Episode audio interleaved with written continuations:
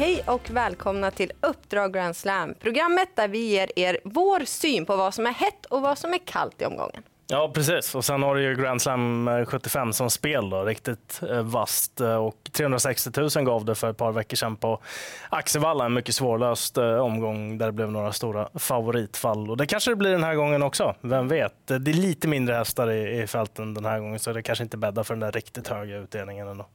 Men det är midsommarhelg. Man, det man ska tänka på det är att det är lördag Grand Slam 75 går den här gången. Och Rättvik som bana, är det någonting att tänka på där?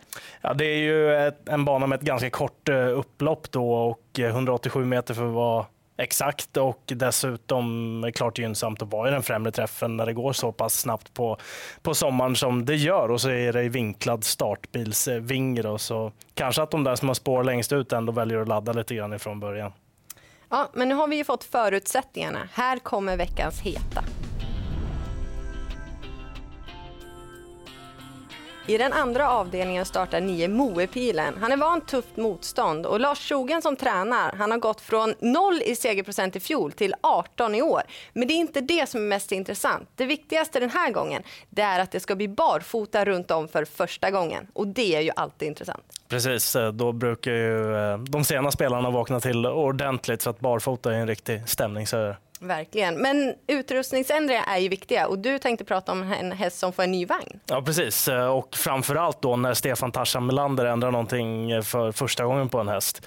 Då känns det ju alltid extra spännande. Älskar det ju vara ett helstängt huvudlag. Men den här gången blir det eventuellt en amerikansk sulky på Fire and Fury nummer två som startar i GS75 3. Han känns eh, riktigt spännande. Han är lite av den där tröga sorten också så det kan nog passa rätt så bra här och håll ögonen öppna om det blir den där amerikanska vagnen. Mm, det brukar ju ha bra effekt på sådana hästar. Och just den här avdelningen, där är ett av fyra Breeders Crown-lopp som går i omgången. Och det betyder att treåringar och så är det fyraåringar och hästar nu som möts, de har tjänat olika mycket pengar och framförallt har de olika hårdhet. Så vi frågar våra kollegor, hur analyserar man de här loppen?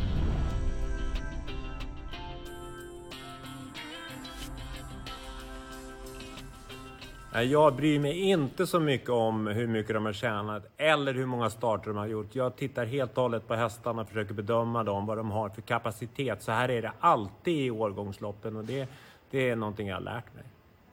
Vad det gäller eh, unghästloppen och olika startprissummor så tycker jag att det är mindre betydelsefullt på treåringarna då de inte har kommit så långt i karriären och där tar jag mindre hänsyn till det hela. Klurig fråga det där, men jag måste nog ändå gå på det senaste intrycket. Eh, det gör inte så mycket om de är lite orutinerade unghästar som är på väg upp i form. Ja, det viktigaste är ju inte hur mycket pengar en häst har tjänat, utan det är ju dagsformen.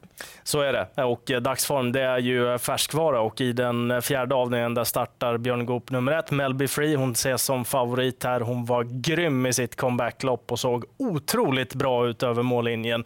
Nu har hon idealiska förutsättningar. Hon har gått i ledningen 11 gånger i sin karriär. Hon har vunnit 10 av dessa och aldrig varit sämre än två. Så det ser väldigt spännande ut på förhand. Och Björn Goop han har dessutom ytterligare hästar som är ganska bra i ledningen. Mm. Det kan handla lite om Björn Goop på lördag. Och I den sjunde avdelningen, två Antara Bi. Hon har gått till ledningen sex gånger i Sverige och vunnit fyra. Så mycket talar för spets och slut.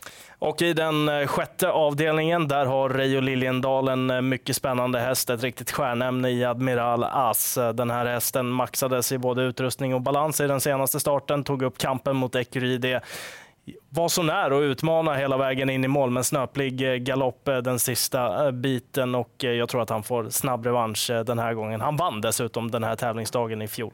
Han är riktigt bra och han möter ingen Ecuride den här gången. Det är klart att det är sämre motstånd. Men det som oroar det är ändå galoppen på upploppet senast. Det är inte riktigt vad man vill ha med sig. Så därför måste jag gardera och då framförallt med sex Tabasco CD som är jämn och säker och laddas för spets.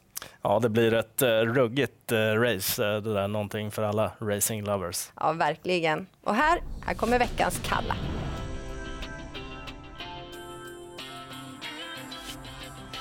I den andra avdelningen startar ett Orvar Mollin. Senast han var ute på banan, det var just i en Grand Slam 75-omgång. Då blev han het här och den här gången blir han kall. Det beror på att eh, han har inte startat på ett tag, men framför allt att han har spår 1 bakom bilen. Det kan definitivt bli en fälla. Och i den eh, sjätte avdelningen så startar nummer ett By the Book. Han blir eh, även betrodd den här gången. Han svek ju som favorit i den senaste starten efter att ha gått i ledningen och gav sig lite väl enkelt då, om man får vara petig. Han möter tuffare konkurrenter den här gången och eh, känns väl inte så het på förhand, snarare åt det mer kyliga hållet. Ja, en annan som blir kall, det beror också på ett frågetecken på formen. I den sjunde avdelningen, 7, Alaska Kronos, har varit sjuk efter senaste starten och tränare Daniel Redén vill ha ett snällt upplägg. Örjan Kihlström som kör, ja, får han defensiva körorder, då blir det verkligen passivt.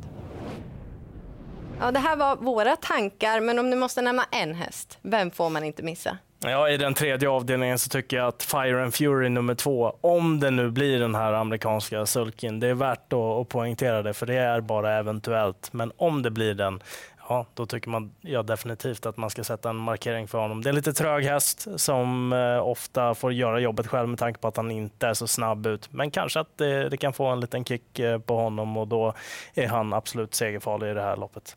Ja, och glöm inte bort nio Moepilen i den andra avdelningen. Blir det barfota runt om där så är det ju mycket intressant. Ja, verkligen. Och framförallt när man har väntat så där långt in i karriären med att göra det också. Det betyder väl att tränaren tycker att hästen är mogen för det.